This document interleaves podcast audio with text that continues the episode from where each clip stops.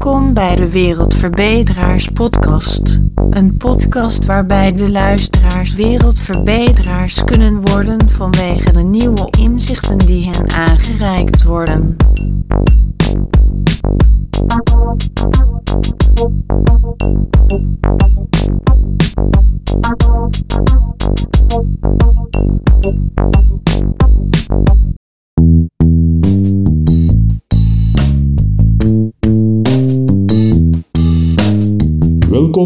Derde aflevering van de Wereldverbeteraars.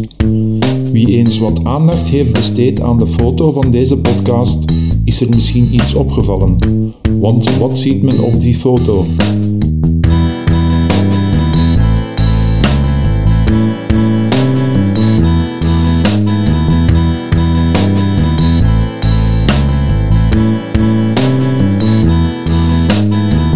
Links de aarde en rechts de maan.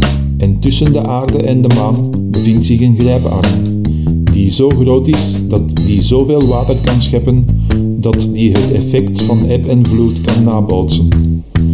De aanwezigheid van de grijparm veroorzaakt evengoed de getijden als het ontbreken van de grijparm, waarbij het dan het niets tussen de aarde en de maan is dat de getijden veroorzaakt.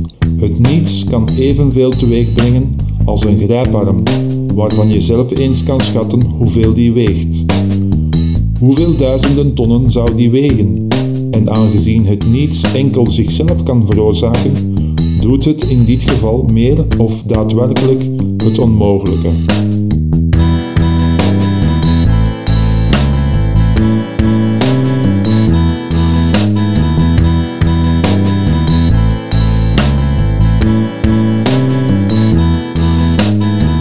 Daarom verwijs ik u tot slot graag naar de link in de beschrijving van deze podcast.